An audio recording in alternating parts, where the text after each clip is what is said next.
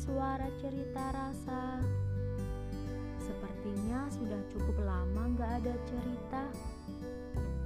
Itu karena aku berusaha supaya bisa bertemu dengan waktu terbaikku yang sempat dibahas di episode podcast sebelumnya. Alhamdulillah, tepat di tanggal 20 Januari 2021 kemarin, aku resmi menutup lembar ceritaku menjadi seorang mahasiswa. Meskipun banyak kali hambatan, ternyata aku bisa menyelesaikan. Makasih banget sama diri sendiri yang sudah berjuang.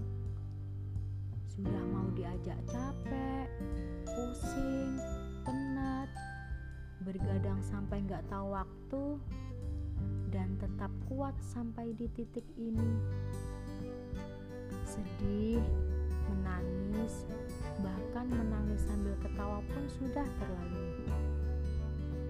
Memang ya, penyemangat yang paling berpengaruh itu dari diri sendiri.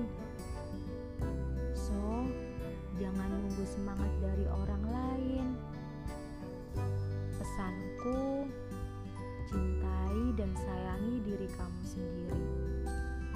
Perhatikan, jangan sampai diabaikan, karena kamulah yang berjuang. Kalau capek, kasih istirahat.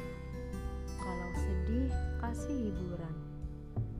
Ingat ya, kamu adalah orang yang paling tahu dirimu.